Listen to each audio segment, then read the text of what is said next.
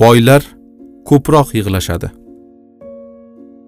Dunyoda hech kim hech bir ta'limot mol dunyoning aynan o'zini yomonlamagan mol dunyodan qaytarmagan. Faqat insonning mol dunyoga bo'lgan munosabatidagi illatlar qoralangan. Masalan odamlardagi mol dunyoga hirs qo'yish buning orqasidan haromdan hazar qilmaslik o'zgalar haqqini ado etmaslik nomunosib yerlarga mol sarflash uni isrof qilish va boyligi bilan faxrlanish kabi qusurlar tanqid qilingan. Boylar boshqalardan ya'ni kambag'al faqirlardan baxtliroq yashashadimi? Pul mol dunyo insonga chinakamiga saodat keltira oladimi? Boylarning hayotda ushalmay qolgan orzu armonlari yo'qmi? Ular afsus nadomat chekishmaydimi? Odamzod qo'liga pul mol kelib ishi yurishib tursa xursand xotirjam bo'ladi. Omadim keldi. Xudo meni suygani uchun mol dunyoni behisob berib qo'ydi deya mag'rurlanadi. Sal puli kamayib qolsa yoki kelishi to'xtasa tushkunlikka tushadi qalbini vahima bosadi. Xudoga qaysidir ishim yoqmabdi shuning uchun rizqimni kamaytirib meni boylikdan qisib qo'ydi degan o'y fikrlarga boradi. Aslida boylik hech qachon insonga ruhiy xotirjamlik keltirmaydi. Ajdodlarimiz dunyo hayotiga ahamiyat berishmagan e'tibor qilishmagan. Sababi dunyo hayoti insonlar uchun berilgan bir imtihon xolos. Kishi dunyo hayotiga e'tibor bermasa kambag'al bo'lib qoladi degan biror qoida yoki mezon yo'q. Chunki u ham inshaalloh ertaga boy bo'lib qolishi mumkin. Aksincha kechagina boyligining hidiga mast bo'lib o'zini qo'ygani joy topolmay shoshib qolgan kimsa ertaga bir lahzada faqirga aylanib qolishi ham mumkin. Boylik ko'pchiligi uchun imtiyoz ne'mat emas aksincha jazo ofat hisoblanadi. Rivoyat qilinishicha bir guruh badavlat odamlar zohidlar davrasiga kirib o'ltirish uchun ulardan ijozat so'rashibdi. Voqea ramazon oyida kechayotgan ekan. Boyvachchalar ham zohidlar davrasida nonni tuz bilan yeyishibdi.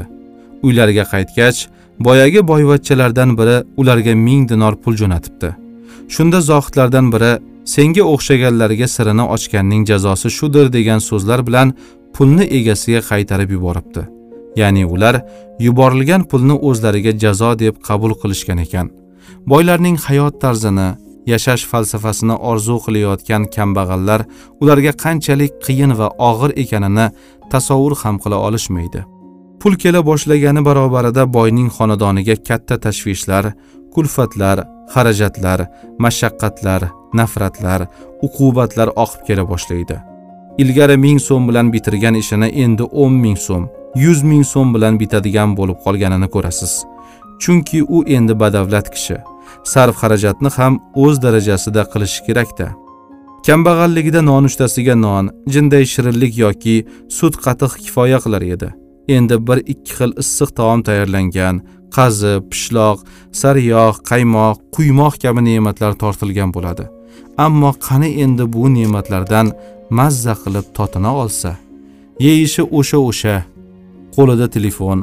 Xayolida bugungi kunda rejalagan yumushlari miyasida ming bir tashvish muammo. Jinday taomni og'ziga tiqdimi yoki burnigami bilolmay dasturxondan shoshib turib ketadi. Avvallari bozordan xarid qilgan oddiy kiyimlarni kiyib ketaverardi.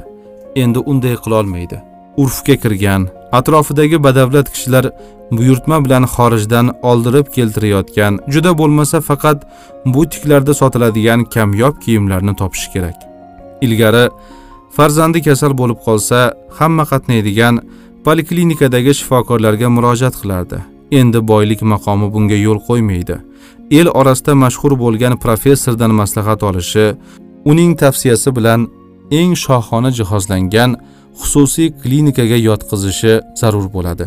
Xususiy muallim xususiy repetitor xususiy tarbiyachi xususiy haydovchi xususiy tish doktori bularning hammasi jaraq jaraq pul turadi. Boy odam o'zi xohlasa ham malol kelsa ham bundan o'zgacha yo'l tutolmaydi. Dunyo egalarining qismati shu. Boy bo'lishning taomili yozilmagan qonunlari shunga majburlaydi. Saudiya arabistonida bo'lganimda jidda shahrida boylar uchun ochilgan shohona do'konga supermarketga olib kirishdi. Uch qavatli oynavand o'rtasida favvora ichidagi odamlar ko'rinib turadigan lifti bo'lgan bu do'konning shahardagi boshqa savdo tarmoqlaridan farqi undagi mollarning narxi har qanday odamni chaqib olishi edi. Surishtirsam boshqa do'konda 50 real turadigan bitta ko'ylak bu yerda 150-200 realdan sotilar ekan. O'rtadagi foydaning kattagina qismi nochorlarga yordam jamg'armasiga o'tkazilar ekan. Agar badavlat kishi ushbu do'kondan xarid qilmay arzonrog'ini ko'zlab qolsa bechoraning ahvoli tanglashib qoptida yoki sindimikin deb o'ylay boshlagan tanishlarining kulgusiga yoki malomatiga qolar ekan. Bu ham boy bo'lishning odamlar nigohidan tashqaridagi alomatlaridandir. Boylikning yana bundanda g'aroyib mashmashalari ham bor. O'rta miyona yashagan odamning bir ikki yaqin qarindoshi bo'lsa u boyigan zahoti ularning soni 10-15 barobar ortib ketadi. Biri o'g'lini o'qishga kiritib qo'yishni so'rab kelgan birovi qiynalib qolib yordamga muhtoj yana biri qizini turmushga uzatish uchun maslahat so'ragan boshqasi ish topa olmayotganidan shikoyat boshlagan. Hammasini tinglashi yordam berishi so'raganini qaytarmasligi kerak. Agar birortasiga rad javobi berib yoki qani bir o'ylab ko'raylikchi deb qo'ysinchi holiga maymunlar aza tutib yuboradi. Falonchi opam seni shu niyatda katta qilganmidi?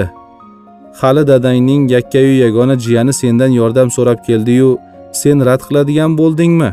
Puling ko'payib odamning qadriga yetmaydigan bo'lib ketibsan-ku degan ta'na malomatlar boshiga toshday yog'iladi. Boylik qanchadan qancha aka ukalarni opa singillarni bir biriga g'anim qilgan ota bilan bolani yovga aylantirgan meros talashib qanchadan qancha qon qarindoshlar bir biri bilan yuz ko'rmas bo'lib ketgan. Boylik ilinjida qancha ilm ahllari boylar eshigida yaltoqlangan obro'sini to'kkan ilmini xo'rlagan boylik necha necha ayollarning iffatini yemirgan hayosini o'g'irlagan baxtini poymol qilgan boylikni deb qanchalar buyuk ishlar amalga oshmay qolgan e'tiqodlar buzilgan iymonlar sustlashgan vatanlar sotilgan vijdon darvozalariga qulflar urilgan. Bular boylik martabasining pulga bog'liq hangomalari xolos. Uning ko'zga ko'rinmaydigan botiniy mashmashalari ham bor. Boyning dushmani ko'p deganlaridek hasaddan g'ayirlikdan ko'rolmaslikdan uning g'animlari haddan ortiq ko'payib ketadi. Kechagina og'iz burun o'pishgan qiyomatli do'stlar ham bir qorindan talashib tushgan og'a iniyu opa singillar ham hamkasblariyu mahalla qo'yidagilar ham barcha baravariga eng yovuz dushmanga aylanadi. Sababi unda pul bor davlat bor. Ularda esa yo'q. Boy bechoraning oddiy gapi ham ularga qo'pol tuyuladi. Ha endi puli ko'payib bosar tusarini bilmay qoldi. Og'zi qiyshiq bo'lsa ham boyning o'g'li gapirsin ekanda xayol bilan bo'lib salomiga alik olishni unutsa tomoshani ko'ravering. Qo'liga pul tushib darrov kibrlanib ketganini qarang. Kechagina yuruvdi chorig'ini sudrab. Endi boyib atrofidagilarni mensimay qolibdi. Boy endi hammaga birday yoqmay qolgan. Hamkasblarining hasad va ko'rolmaslik orqasidan boshlagan fitna dushmanliklari haqida-ku gapirmay qo'ya qolaylik. Hamma uning sinishini boyligidan mosuvo bo'lishini intizor kutadi. Sal boshiga ish tushsa chekka chekkada visir visirlar boshlanadi. Aytmabmidim otasidan qolgan katta merosga quvonib yurgan ekanda hammasi oshkor bo'ldi-ku. O'zi ja bosar tusarini bilmay qoluvdi. Xudo boplab jazosini berdi-ku degan gaplar ko'payib ketadi. Bir yoqda qo'lga kiritgan mol dunyosini ko'paytirish asrash qiyinchiliklari agar uni ko'paytirish sotish foyda olish haqida tinmay bosh qotirmasa tezda boyligining tagi ko'rinib kamayib ketishi yoki o'zi sinib qolishi mumkin. Yotib yeganga tog' ham chidamaydi degan gap borku. Har qadamda chuv tushirish aldab ketish zo'rlik bilan tortib olish kabi xavf xatarlar ham hamla qilib turadi. Xullas bular badavlat kishining halovatini o'g'irlaydigan oromidan mahrum qiladigan sochidagi oqlarni ko'paytiradigan muammolarning bir ulushi xolos. Mol dunyoning insonni ne o'ylarga solishini tajribada ko'p ko'rganmiz. Kichkina bir misol. Bir kuni o'g'lim zakariyo maoshini olib keldi da hali uch yoshga ham to'lmagan o'g'li abdumo'minga bir taxlam ikki yuz so'mlikni tutqazib qo'ydi. Nima qilarkin degan xayolda hammamiz uni kuzatib turibmiz. U pulni qo'liga oldi-yu hayajondan o'zini tutolmay qoldi. Dam uni cho'ntagiga tiqmoqchi bo'ladi sig'magach biror joyga yashirib qo'yish niyatida atrofiga alanglaydi. Hammaning o'ziga qarab turganidan xavotirlanib yana uni ko'ylagining ichiga tiqadi. Bunga ham qanoat qilmadi. Pulni olib bolalar xonasiga qarab yurdi. Yashirincha ortidan biz ham kirdik. U avval pul taxlamini ko'rpacha xatiga yashirdi.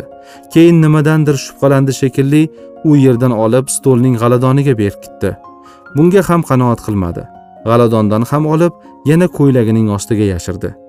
Shu payt ko'rib qolganimizni angladi-yu ilojsizlikdan ovozining boricha yig'lab yubordi. Bu manzara izohga muhtoj emasdi. Kichkina bola arzimas. Buning ustiga o'ziniki bo'lmagan ozgina mablag'ni asrashni eplay olmay shunchalik qiynalsa esli hushli kishilar katta katta boyliklarni qo'riqlash uchun ne ko'ylarga tushisharkin boylik ichida yashagan kishining hali bundan ham muhimroq vazifalari buni ado etmaslikdan kelib chiqadigan ko'rguliklari qiyinchiliklari haqida to'xtalganimiz yo'q. Agar bu mol dunyoning zakoti o'z vaqtida yoki kerakli miqdorda berilmagan bo'lsa buning oqibatida shu dunyodayoq duch kelinadigan ofatlarning o'zi talaygina. O'sha molning barakasi bo'lmaydi haromdan poklanmaydi. Natijada u albatta halokatga uchraydi. Buning ustiga jamiyatdagi haqdorlarning haqqi ado etilmagani uchun boylar va kambag'allar o'rtasidagi muvozanat buzilib keskin ixtiloflar boshlanib ketish xavfi paydo bo'ladi.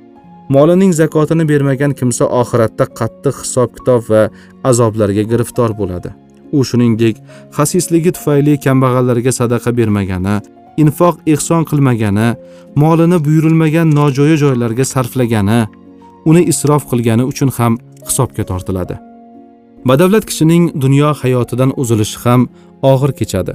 Ming mashaqqatlar bilan kechayu kunduz zir yugurib orom halovatidan kechib sog'lig'idan ajrab hammaga yomon ko'rinib qancha dushman orttirib gunohlarga botib to'plagan mol mulki ichki tashqi hovlilar uylar qo'sha qo'sha ulovlar tilla taqinchoqlar pullar merosxo'rlarga qolib ketishini o'ylar ekan bir g'ami o'n bo'ladi. Merosxo'rlarning hali u jon taslim qilmay turib boylikka ega bo'lish uchun bir birlariga ola qarash qora qarash qilib yovga aylanishayotgani yuragini qiymalaydi. Shuncha pul davlatni topsa ham o'ziga vafo qilmagani tuzukroq yeb ichmagani dam olmagani esiga tushib ich ichini nimadir kemiradi. Boylik topaman deb sog'lig'idan ajragani besh olti xil kasalliklar guldastasini orttirib olgani ham alam qiladi. Donolar aytganidek sog'liq va boylik hech qachon bir ko'chadan yurolmaydi aslo kelisha olmaydi. Biri kelsa ikkinchisi albatta sohibini tark etadi. Eng dahshatlisi dunyo ortidan chopib parvardigorning amr farmonlarini bajarishga vaqti yetishmagani toat uchun bo'shamagani hammasidan alam qiladi. Qani edi to'plagan boyliklarining qurgan baland imoratlarining xarid qilgan uchqur ulovlarning hozir ozgina foydasi tegsa foydasi tegishi u yoqda tursin aksincha hisob kitob qiyinlashib boqiy hayotini barbod qilishi mumkin. Dunyoning yarmini zabt etgan makedoniyalik iskandar o'limi oldidan shunday vasiyat qilgan ekan. Meni bir tobutga soling. Tobutning bir tomonini teshib shu teshikdan qo'limni chiqaring va kaftimni ochib qo'ying. Toki barcha haloyiq ko'rsinki jahondagi hamma mamlakatni egallab olgan bo'lsam ham bu dunyodan qo'llarim bo'sh ketayotir.